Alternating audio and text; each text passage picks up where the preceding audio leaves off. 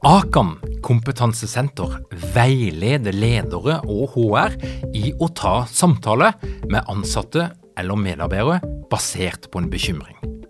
Akan setter ledere og medarbeidere i stand til å forebygge og håndtere en problematisk bruk av alkohol, narkotika, legemidler, spill eller doping blant ansatte. Ønsker du å lære mer om god forebygging og gjennomføring av samtale med en som du er bekymra for?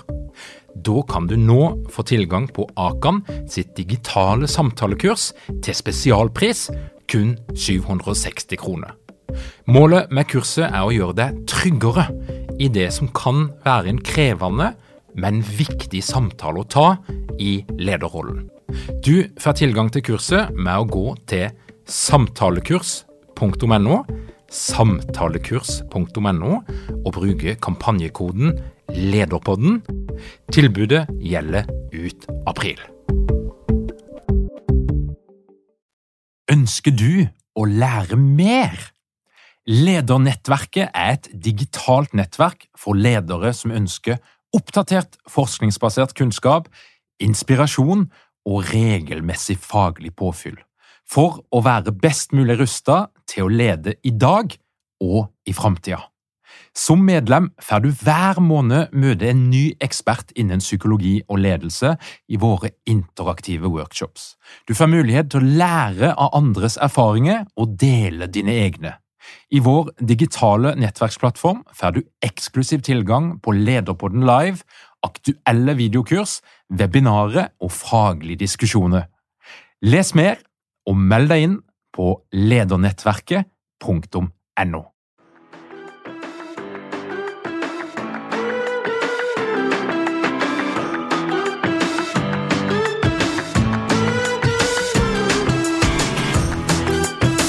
Velkommen til Lederpodden. Mitt navn er Tor Åge Eikerapen. Jeg jobber som organisasjonspsykolog og foredragsholder. Og dette her en podkast om ledelse. Og driver egentlig HR med i 2022? Og er det som har endra seg de siste årene? Og hva er egentlig framtida for HR?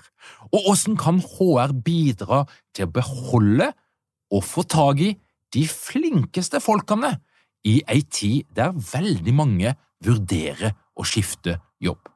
For å få svar på dette her, så har vi fått med oss Norges fremste HR-nerd, Anne Lise Heide. Velkommen til Lederpodden, Anne Lise. Tusen takk, Tor Åge. Veldig hyggelig å bli invitert. Litt sånn ærefullt. Lederpodden er jo en ordentlig hot podkast som jeg har fulgt siden, siden jeg oppdaget den for to år siden. Tror jeg har hørt på alle episodene. Så veldig stas å være her sammen med deg. Og dette her er din episode, Annelise, for du har jo markert deg eh, på så mange forskjellige vis. Med å være en person som virkelig brenner for HR-faget. Du har drevet HR-nettverk i mange år, og du har fremdeles aktive, nå digitale nettverk for HR-folk, og du jobber med HR og ledelse i Habberstad. Men, men fortell meg litt, Annelise, hva, hva er det som er så ekstremt spennende med HR, som gjør at du har blitt en sånn HR-nerd? Godt spørsmål. Du, eh, for meg så er HR det der faget der jeg får jobbe med helheten i organisasjonen. Det er liksom både det strukturelle og det menneskelige. Det er teknologi og digitalisering, det er kommunikasjon og samhandling. Det er psykologi, som er ditt fag, tror jeg. Det er juss, det er strategi, det er struktur og systemer, det er kultur, det er tall, det er analyser. HR har liksom alt. Eh, og jeg tror det er det jeg liker best. Hvis jeg skulle valgt én ting, så hadde jeg nok valgt psykologien. Men det oppdaga jeg ikke for litt seinere, så da tar jeg HR som er hele pakka. og, og, og, er de, og, er de, største mytene om HR og HR-folk? For de fins jo rundt forbi. Oi! Nå kaster, ja, det skal vi inn på. Du, Kan jeg fortelle deg litt hvor det starta, det HR-greiene? Får jeg lov til å fortelle det først? Gjør det. Ja, Så herlig. Du, vet du hva? Det starta egentlig med jeg skulle til å si ledelse, men det starta faktisk med kunder.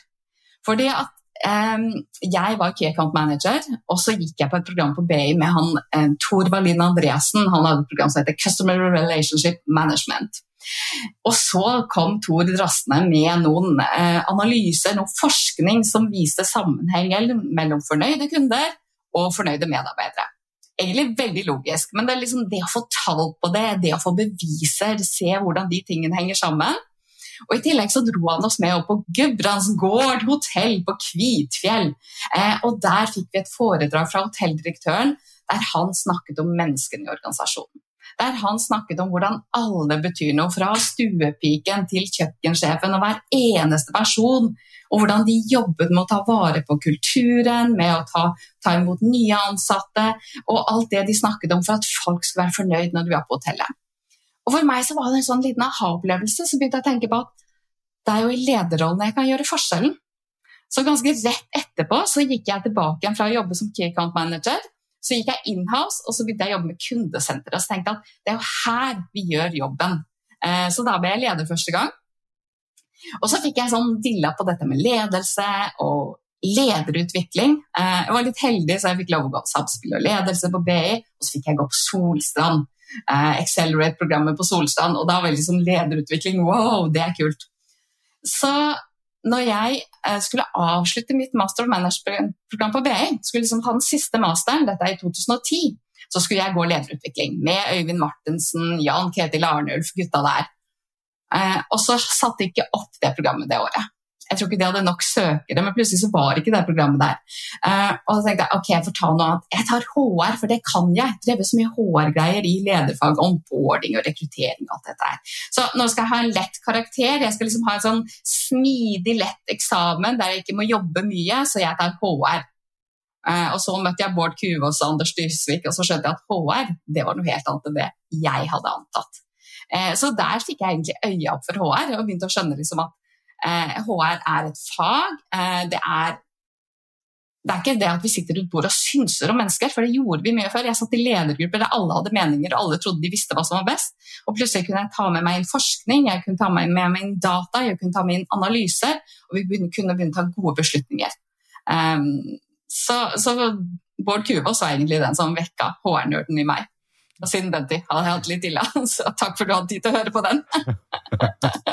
men, men, du er litt inne på det som, som har endra seg her. For, for, det har jo vært altså, HR har jo mange steder blitt sett på som et sted der du skal sende alt som er vondt og vanskelig. Mm. Eh, eh, og, og, og, i noen eh, organisasjoner så ser en at HR blir ofte tatt ut av toppledergruppa, og så skal de mm. kanskje inn i en periode. Men, men vi lever jo i ei tid nå der Veldig mye handler om menneske, kultur. Mm. Vi ser at titlene endres litt. Hva, mm. hva, er de største endringene som er skjedd de siste 10-15-20 årene innenfor HR? Skal vi se, eh, De største endringene innenfor HR Jeg tror jo du er inne på noe, særlig det der med HR sin plass i ledergruppen, eller om man faktisk da eh, blir hørt, blir tatt med på de strategiske beslutningene, eller det er der at man bare skal rydde opp i etterkant, eh, som du var litt inne på. Og jeg tenker For min del så handler det litt om akkurat det du spurte om først, disse her mytene. Eh, fordi at man tenker at HR det er sånn soft skills, og vi driver med sånne myke ting, og det er liksom kos og skape trivsel og arbeidsmiljø, men det handler ikke om prestasjoner. Og jeg synes at Josh Bursin sier det så bra, for han sier at det er ikke, det er ikke soft skills, eh, det er power skills.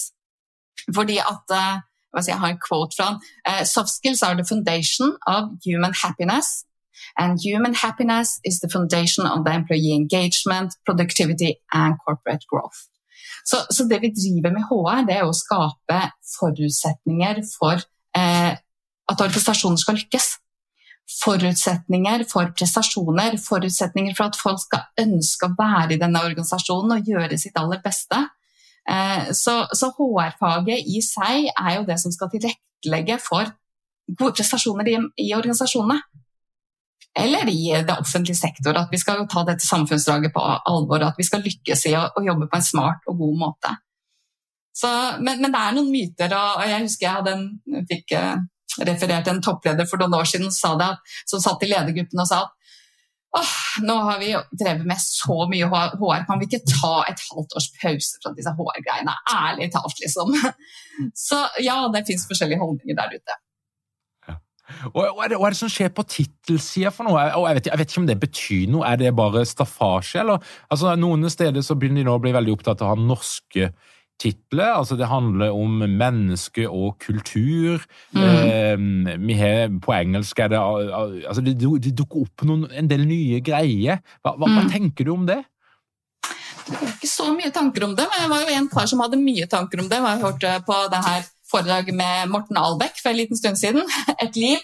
Eh, og Han snakka mye om human resource management. Det var det dummeste begrepet han kunne tenke seg. For Det handler liksom om at vi skal styre de menneskelige ressursene. Det er ikke sånn det foregår. Eh, så dette med people and culture eh, er en mye bedre vinkling på det. Jeg har ikke noen sterke meninger på det, for å være helt ærlig. Mm. Men det forteller vel kanskje noe om at det er i fall et eller annet som er i endring, da. Det er, mm. det er et eller annet som kommuniseres med det. Men, men eh, hvis vi ser i, i 2022, hva er de viktigste tingene som da HR eller People and Culture jobber med? Mm. Du, hvis jeg skal si noe om hva som står høyest på HR sin agenda nå, så må jeg ta utgangspunkt i nettverket og det som de bringer til bords og si at det, dette har vi lyst til å snakke om. Eh, og akkurat nå så er det organisasjonskultur, employer branding og retention som er liksom de soleklare vinnerne. Eh, så, og det, det, er klart det handler om den tiden vi lever i. Du var inne på det. Arbeidsmarkedet er i glohet. Eh, man sliter med å få tak i kvalifisert arbeidskraft. Eh, det er noen bransjer, noen sektorer som sliter mer enn andre. Vi kan snakke om IT-sektoren, vi kan snakke om helsesektoren. Men, men selv HR-stillinger, da, som jeg husker For noen år siden da jeg rekrutterte til HR, så hadde jeg glatt 100 søkere hvis vi hadde en ledig stilling ute. Og nå er du glad hvis du har 20. Så selv der har det endret seg litt. Og det er klart at Når vi vet at det er så vanskelig å få tak i kvalifisert arbeidskraft, så er det ikke employer branding og dette med hvordan vi skal bli attraktive som arbeidsgiver, det er ikke lenger et sånn nice to have. Det er et must to have. Det er noe som alle må jobbe med. Det er strategi. Um, og Her kommer jo også dette med organisasjonskultur og retention inn. For da blir vi litt interessert i hva er det som gjør at folk slutter? Eller hva er det som gjør at folk velger å bli? Altså De virkelig gode organisasjonene de begynner jo nå å legge energien sin på å jobbe eh, på å måle retention-strategier, altså retention intentions, og ikke turnover intention. Så vi kommer litt på hva er det som driver folk til å bli i organisasjonen, som gjør at de ikke begynner å tenke på slutt engang. At de ikke begynner å lete etter andre jobber eller være nysgjerrig på arbeidsmarkedet. Versus nettopp dette med turnover-intensjon, og, og, hva er det som betyr noe som gjør at folk velger å begynne å se etter en annen jobb. Så det er ganske mange spennende trender der. Ja, og hva vet vi egentlig da? Hva, i, i, 2022, og er det som får folk til å bli i en jobb? Altså, mm. Når mange sitter på heimekontor, så kan en tenke seg at en mister en del av kontakten mm. med det som er unikt for arbeidsplassen, med det som er kulturen, og at det mm. gir ledere litt mindre spillerom for å, å skape et sted der folk har lyst til å være. Men, men vet, vet det noe om det? Ja, man vet mye om det. Og det er jo også veldig mange undersøkelser ute nå. De fleste store konsultingfirmaene, McKinsey, Gallup, veldig mange gjør jo studier på det. Eh, og det viktigste er kanskje at du også gjør de studiene i egen organisasjon og ser hva er det som holder folk hos oss. Og en av de som jeg syns er veldig dyktige på det, det er eh, Amesto. Eh, Heidi Nyhjelten i Amesto Tech House hadde foredrag på mitt siste nettverksmøte. Eh, og både fortelle litt om trendene i samfunnet, men også de studiene som de har gjort internt i forhold til hva er driverne ved turnover-intensjon hos oss, og hva er driverne ved retention-intensjon så var ikke det noen store overraskelser, som Heidi sier. Det er liksom de, de, samme driverne som du kan se i disse rapportene, men drivere ved retention-intensjon er ut fra Heidi, da, dette med godt arbeidsmiljø og anerkjennelse. Ganske tradisjonelle ting. Det betyr fortsatt noe i den digitale verden. Eh, men også dette med utvikling og kontinuerlig læring. Det at folk får lov til å utvikle seg, at vi får henge med i dette eh, kompetanseracet og være attraktive på arbeidsmarkedet. Bare det å kjenne at du kanskje er i en organisasjon der du ikke får fylle på din kompetanse, der du må sitte og repetere de samme arbeidsoppgavene år etter år, det tror jeg er noe som reduserer retention-intensjon. Folk har ikke lyst til å være et sted som de ikke får lov til å utvikle seg selv. Eh, og så er det selvfølgelig leder. Det betyr fortsatt noe, det. Det med affektiv tilhørighet. At vi kjenner at dette er en organisasjon jeg har lyst til å være, dette er en leder jeg har lyst til å jobbe for. Eh, og, det er en klassiker, men man skal ikke undervurdere det. Den relasjonen til nærmeste leder og lederskap er definitivt avgjørende. Det er noen trender der ute og noen sånne begreper som kommer av og til. Eh, og det er litt som, som klesmote, at det, det, kommer og det får mye oppmerksomhet og det forsvinner igjen. Men, men, det er mange som nå snakker om og skriver om 70-2010. Er det det? ja. Annelise, kan, ikke du, kan ikke du forklare hva, hva er det der greiene der for noe?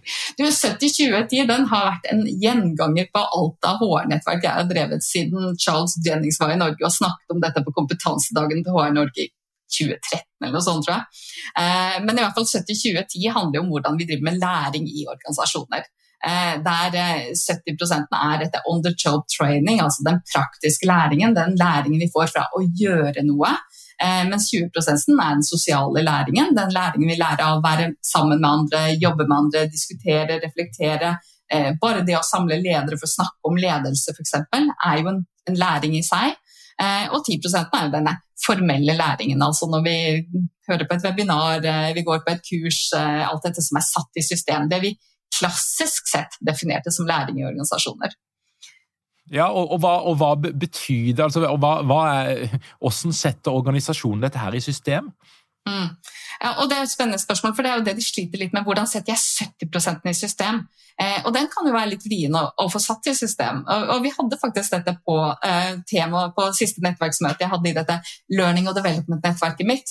Hege Marie Mandt, som jobbet i Telenor tidligere, hun var inne og dro gjennom den siste doktorgraden, studiene på dette med 70-2010. Når er det det virker? Hvilke forutsetninger skal til for at det virker?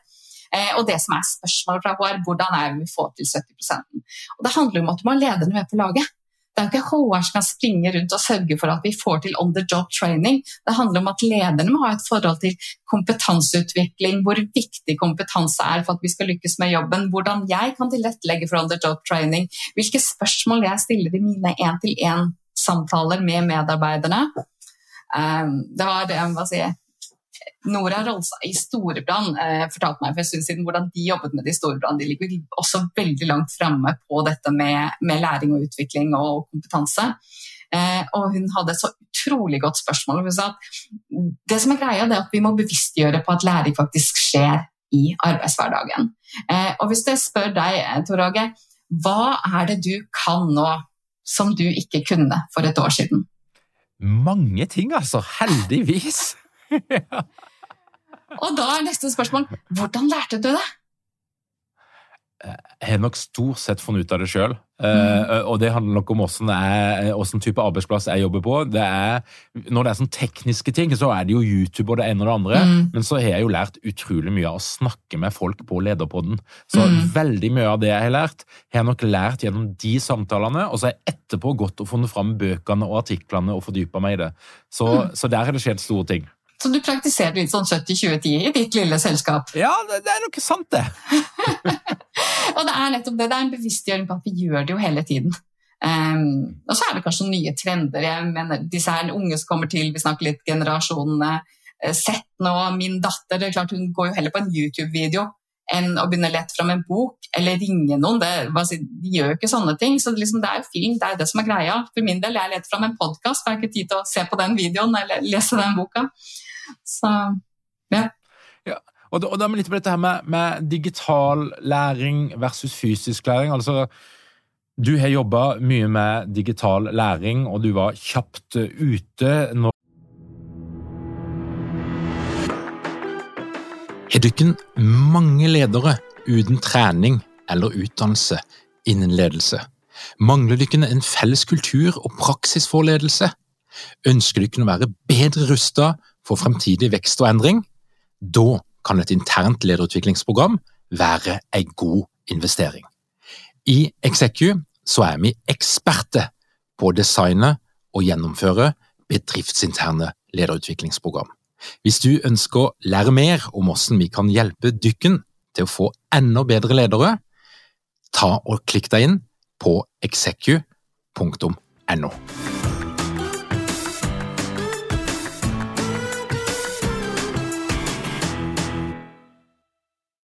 når Norge stengte ned. Da hadde du allerede gjort et, et forarbeid og var klar til å lansere.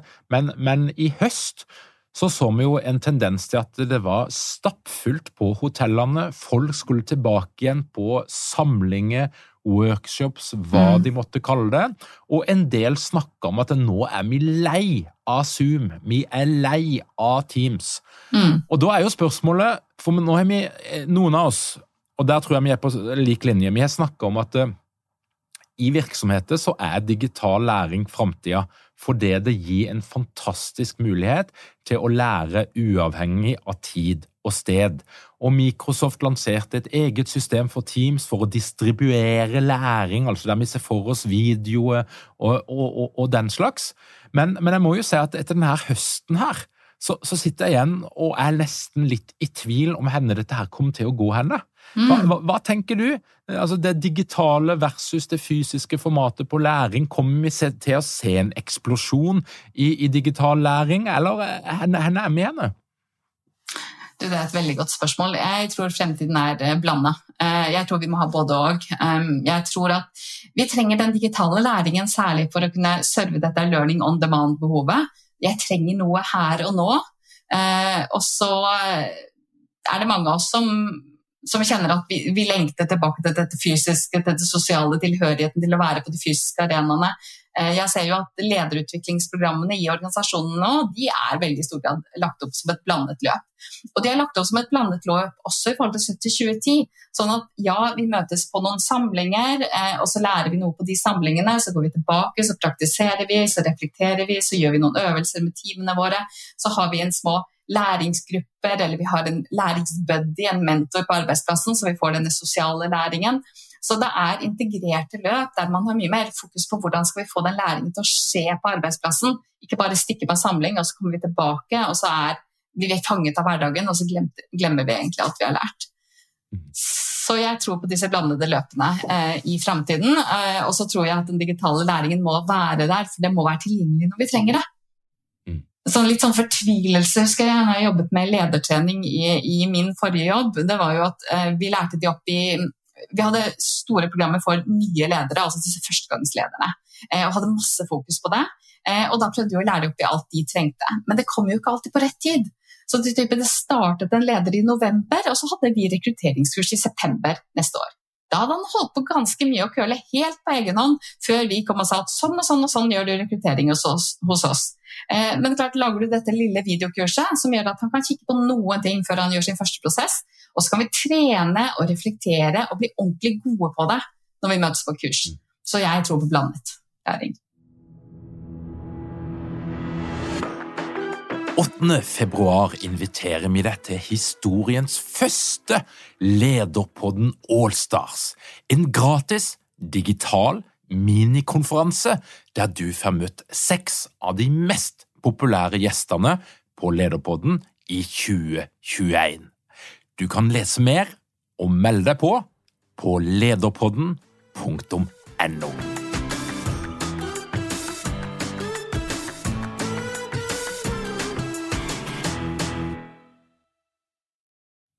Og Teknologi da, det handler jo ikke bare om, om de her læringssystemene, men, men, jeg har jo fått med meg at innenfor HR nå for tida, så skal du kunne ganske mye om systemet for å fange opp data.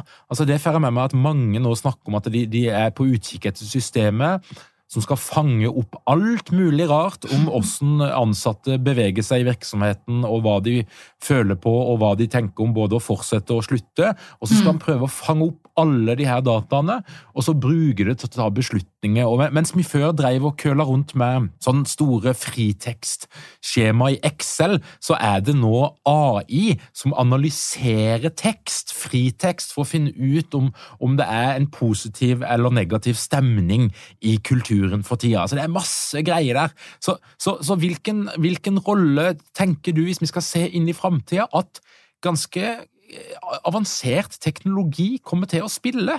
Og da snakker vi jo spesielt om de organisasjonene med veldig mange ansatte og mye data. Og jeg tror du er spot on der, for som du sier, vi snakker spesielt om de veldig store organisasjonene. Og jeg tenker at Noen ganger så blir vi litt fanget av disse hypene og trendene, og så leser vi artiklene, og så er det liksom noen store globale organisasjoner som sier at den veien skal vi. Det er ikke alt det som passer i den mellomstore norske organisasjonen. Det er ikke alt det som gjør oss smartere, gjør oss bedre. Jeg tror absolutt vi skal bruke data, jeg tror absolutt vi skal jobbe innsiktsbasert. Eh, men jeg kjenner at noen ganger så, så, tar man det litt langt, og så forventer man at alle er kommet så innmari langt på dette her. Jeg husker jeg var på en del sånn internasjonale konferanser med et selskap som heter Unleash, eh, sånn globale konferanser. Og de snakker om noen trender, og jeg sitter der og føler meg så liten og tenker at å gud, vi gjør ingenting av dette her hos oss. Men så klart så sitter jeg ved siden av en fra et svært uh, tysk jernbaneselskap og spør litt ja, hvor store er dere da? Vi har 70 000 ansatte. Å ja, oh, hvor mange er dere på HR? Ja, vi er 1000. Og så begynner du å skjønne at det er litt forskjell, da, tross alt. Eh, og det er det jeg syns er så fint med disse nettverkene, for da sitter vi og snakker litt om hverdagen og hvordan er det rundt i organisasjonene egentlig. Eh, og så tenker jeg at det er, det er, det som teller. Men ja, innsiktsbasert når vi ser at det gir en verdi. Og klart, Hvis vi kan begynne å måle og se og fange retention-trender uten at vi skal gjøre spørreskjema og surveys, men rett og slett se litt på atferden, ja, så er det veldig spennende. Jeg snakket senest med en, eh, en norsk HR-tech-gründer i går som jobber globalt, og som begynner å se på det. Hvordan kan vi lage systemer der vi begynner å liksom virkelig fange de tingene vi gjør i onboarding-prosessen, og se hva betyr det i forhold til om folk velger å bli eller velger å slutte. Så ja, det er spennende. Det kommer sikkert. Jeg er litt usikker på når. og Hvis vi ser inn i denne krystallkula, da, hva slags trender, begrepet er det alle HR-folk bør ha et aktivt forhold til i de årene som nå kommer? Hva er det du ser for noe? Vi har sikkert snakka om noe av det allerede, men hvis du skal prøve mm. å fange det viktigste? Mm. Hvis vi snakker litt akkurat her og nå, så er jo det som vi har vært inne på, det med tilgang på relevant arbeidskraft, det er det aller viktigste. For det er mangel på kompetanse, og det gjelder også globalt. Og det må vi ta inn over oss. Og så er det noe med arbeidstakernes forventninger. Jeg var så vidt inne på det med generasjon Z eh, for et øyeblikk siden. Jeg tror at det er ikke sånn unikt for generasjon Z at vi krever å ha en meningsfull arbeidsplass. Det er viktig for alle, også oss som er 50 pluss, eller meg som er 50 pluss. Eh, men jeg tror at generasjon Z kanskje setter meningen i et litt større perspektiv. Eh, jeg tror at det er flere som begynner å kreve at du driver bærekraftige organisasjoner, at vi tenker på en trippel bunnlinje, at det er people, planet og profit. Eh, vi kan ikke bare drive profittbasert. Eh, og det er jo en sunn trend. Det er jo bra at det kommer arbeidstakere som begynner å kreve det av organisasjonene. Um, så det tror jeg HR skal ta inn over seg. For det, det å drive bærekraftig er ikke bare noe som markedsavdeling eller produksjonsavdelingen skal drive med, det er også noe vi må drive med internt i organisasjonen. Eh, så tenker jeg Her og nå så står jo den nye hybridarbeidshverdagen står jo fortsatt høyt på agendaen. Eh, vi var liksom på full vei inn i et eller annet i høst. og bare sånn, Hvordan skal det se ut? Hva slags type form skal vår organisasjon ta? Hvor fritt skal det være? Hvor mange skal tilbake igjen? Um, og så plutselig så ble det nedstenging og hjemmekontor igjen. Men, men vi kommer jo tilbake dit. Hva er fremtidens arbeidsliv? Tillater vi remote work eller ikke? Hva betyr det hvis vi ikke tillater det? Mister vi folk? Uh, Syns folk det er greit? Jeg vet ikke, Det er så utrolig mye spennende som skjer nå innenfor HR. Og så, og så er det organisasjonskultur. Si Etter to år på hjemmekontoret, for de virksomhetene som har hjemmekontor, så er det klart at hvordan har det påvirket tilhørigheten til arbeidsplassen? Hvordan har det påvirket relasjonene? Greier vi å holde på folkene våre? Har man en følelse av at jeg er en del av noe? Hvordan jobber vi med organisasjonskultur i en ny hybrid? Jeg tror det er noen av tingene, i hvert fall i dag, uten å se så veldig langt fram i krystallkulen. Og så er det to temaer som, som har vært ganske høyt oppe på agendaen eh, det siste året. og Det er mangfold og det er psykisk helse. Og mm. eh, Mangfoldstemaet har blitt aktualisert gjennom ting som har skjedd i samfunnet. Mm. Og når det gjelder psykisk helse, så vil jeg jo påstå at kanskje det fokuset òg er litt relatert til covid, og, og mm. det at mange fikk se en økning i psykiske helseplager når vi, vi da ble plassert ut på heimekontor og covid i seg sjøl, men, men, er dette her noe som vil vedvare? Altså, hvilken plass vil Nå føler jeg jo ofte det er litt sånn kampanjeaktig. Altså at det er liksom Nå skal vi være opptatt av det, og nå brenner det. Men, men hvilken plass vil mangfold og psykisk helse, som sånn sett ikke er noe med hverandre å gjøre, men hvilken plass vil det få i framtidas organisasjoner? Du, jeg håper og tror at mangfold har kommet for å bli. Jeg føler jo at det har vært en, en, trend og en kurve der vi har blitt mer og mer bevisst. Der man kanskje startet med at ja, vi skal ha likestilling, men, men, det er jo en veldig enkel form for mangfold. Eh, og der liksom har tatt ut det til å bli noe veldig mye mer, som handler om alt fra etnisitet og nasjonaliteter til seksuell orientering til aldersmangfold. Jeg begynner å snakke mer om det nå. Eh, så, så jeg tror at det virkelig har kommet på agendaen. Og så er det en større bevissthet rundt at mangfold handler om noe mer enn hva slags type rekrutteringsprosesser vi har, at vi ikke skal stenge folk ute. Det handler igjen om organisasjonskultur, og at vi skal ha en inkluderende kultur som gir rom for alle de forskjellige menneskene. Og Der syns jeg jo at Chris Chris Hovdås Telia har vært en frontfigur. Og disse her som er framme i media, de som snakker om det, de som er på webinarer, podkaster, de er jo med å få satt det på agendaen. Det tror jeg er kommet for å bli. Um, psykisk helse, ja, veldig relatert til covid, så klart. Um, jeg tror jo at uh, sånne personer som har vært med å løfte det fram der også, kan ha gjort en forskjell i samfunnet. Jeg har gjort det litt mindre stigmatiserende å snakke om det, være ærlig på det, være åpen på det. Det kommer jo også nyere forskning nå som viser litt mer bare dette her med stress. I hvilken grad er psykisk helse tilknytta forhold på arbeidsplassen? Hvis vi snakker om organisasjonskultur igjen, hvor kan vi gjøre en forskjell? Kan vi forebygge? Hvis vi tenker på hvor stor del av sykefraværet som faktisk handler om psykisk helse, om depresjon, om angst, om, om stressrelaterte temaer, så må jo organisasjonene være interessert i hvordan kan vi jobbe for å forebygge sykefravær. Mm. Om ikke annet, men også ta vare på menneskene, håper jeg. Mm. Dette her med, med, lederes relasjon til HR. altså mm.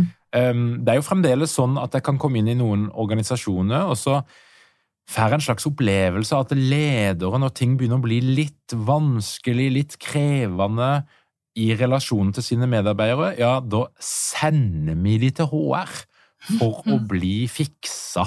Altså, altså, eh, eh, At HR er en slags sånn verksted for ting som ikke fungerer. Er, er, dette her, er dette her en tendens som fortsatt lever, eller er vi på vei vekk ifra det? Det er et veldig godt spørsmål. Det er veldig veldig store forskjeller mellom organisasjoner fortsatt. Eh, og jeg snakker med HR-ledere som egentlig sitter med bare bransjelukking, sitter og fikser opp i ting og har det som sin hverdag. Eh, og så snakker jeg med HR-ledere som jobber svært strategisk, eh, og som sitter og, og, bare jobber med hvordan skal vi tilrettelegge for gode prestasjoner i organisasjonen, hvordan skal vi tilrettelegge for en god kultur, hva er det slags parametere vi skal jobbe med og prioritere i strategien vår. Eh, så, så, forskjellene er store. Um, og så er det heldigvis en litt nedadgående trend, eh, det som du er inne på. At HR er et sted som vi fikser folk. Eh, det er jo ikke det det handler om i det hele tatt. Mm. Og du, eh, eh, Hvis vi nå liksom ser litt sånn tenker at det er HR-ledere der ute som, som, da er litt fanga i hamsterhjulet, og, og, men, men, har lyst til å teste ut noe nytt, da. Hva, hva, hva er dine sånn konkrete anbefalinger til noe som HR-medarbeidere eller HR-ledere bør teste litt ut i 2022, hvis ikke de har gjort det ennå? Er det noe på arbeidsplassen som en bør ha en større bevissthet rundt? Er det noe en bør komme i gang med når det kommer læring? Mm. Eh, er det noen andre ting som du tenker at ja, det, det bør HR-folk ha lukta litt på i, i, året som vi nå er på vei inn i? Mm. Du, jeg kjenner at Det jeg blir opptatt av da, det er jo hvordan vi påvirker organisasjonen til å tenke smart om mennesker og om ledelse. Eh, jeg blir opptatt av Jeg syns Dave Ulrich sier det så smart i sin kompetansemodell for HR. for Da sier han en av de viktigste kompetansene for HR-personen er å være en credible activist. Og A credible activist handler jo om at en stor del av vår rolle eh, på HR er å påvirke organisasjonen. Så vi må kunne salg. Vi må kunne noe om hvordan du får mennesker med på laget. Vi må kunne noe om hvordan vi jobber med påvirkningsledelse uten at du har den makten til å bestemme. Men å klare å selge inn et budskap og få folk til å være lyst, eh, ha lyst til å være med og skape gode og bærekraftige organisasjoner der mennesker trives, der mennesker er engasjert, der mennesker finner at de har et meningsfylt arbeid. Så, så dette med å liksom jobbe med påvirkningsledelse, ja, det kan jeg kanskje utfordre litt på. at Der er det noe å hente. For det holder ikke å kunne faget. Vi får ikke gjort jobben selv. Vi er nødt til å ha alle ledere med på laget. Eh, det jeg selv har tabbet på mange ganger, det er å jobbe nok med forankring. det å jobbe nok i forkant, jobbe nok med ledergruppen. Eh, jeg har hatt en tendens til å bare springe ut og gjøre. Litt utålmodig, ser veldig tydelig og klart hva som skal til. altså Bare begynner man å gjøre ting selv. Eh, og det ender jo med at du bare blir overarbeidet og får mer og mer og mer å gjøre. Så det å jobbe veldig helhetlig med organisasjonen, det er ingenting nytt for 2022, men det er fortsatt et behov. Det hører jeg i hvert fall når jeg snakker med HR der ute. Annelise, du er ganske kjapt ute med å teste ut nye trender. Og, og, eh, og Derfor er det jo gøy å følge med på deg, for du, du, gjør en del erfaringer, og du deler de erfaringene. Og Noe av det du testa veldig tidlig ut som en måte å få ny kompetanse på, og, og bli inspirert, det var Clubhouse. Og du ble faktisk ganske profilert som en av de som virkelig tok Clubhouse i, i bruk når det kom. Nå, nå, husker jeg ikke lenge, er det, et, er det, et, år siden? Er det litt mer enn det? Ja, men, men eh, Annelise, kan du gi Hva er status på Clubhouse nå? Nei, Clubhouse-tiden Nå er hypen stilna. Clubhouse-tiden er forbi, tror jeg definitivt. Uh, det, det, var en hype, det var gøy, det var en tid vi satt hjemme, og de sosiale arenaene var ikke så veldig aktive. Og så var det noe med formatet som kanskje ikke passet helt, for at folk kunne ikke planlegge når skal jeg treffe et rom. Eh, nei, jeg vet ikke hva som skjedde. Det var veldig gøy. Eh, jeg tror det kommer, audio kommer tilbake, men jeg har troa på LinkedIn. Jeg sitter og venter nå på hva LinkedIn kommer med innenfor audio. Tusen hjertelig takk, Annelise, for at du kom til Lederpodden. Jeg anbefaler alle å sjekke ut Annelise på LinkedIn, for hvis du henger med henne, så blir du oppdatert på masse gøy! Jo, tusen takk, Annelise. Takk for det. Og til deg som hører på, takk for at du hører på Lederpodden. Hvis du ønsker å følge med på alt vi driver med, ja, da kan du gå inn på lederpodden.no. Og det som skjer akkurat nå, det er at vi arrangerer Lederpodden Allstars. 8. februar. Der får du møte de seks mest populære gjestene vi hadde i 2021, live på Zoom. Og det hele er gratis. Og hvis du ønsker å melde deg på, så er det bare å gå inn på lederpodden.no og trykk på den rette knappen. Vi høres igjen om bare ei uke, og igjen tusen takk for at du hører på Lederpodden.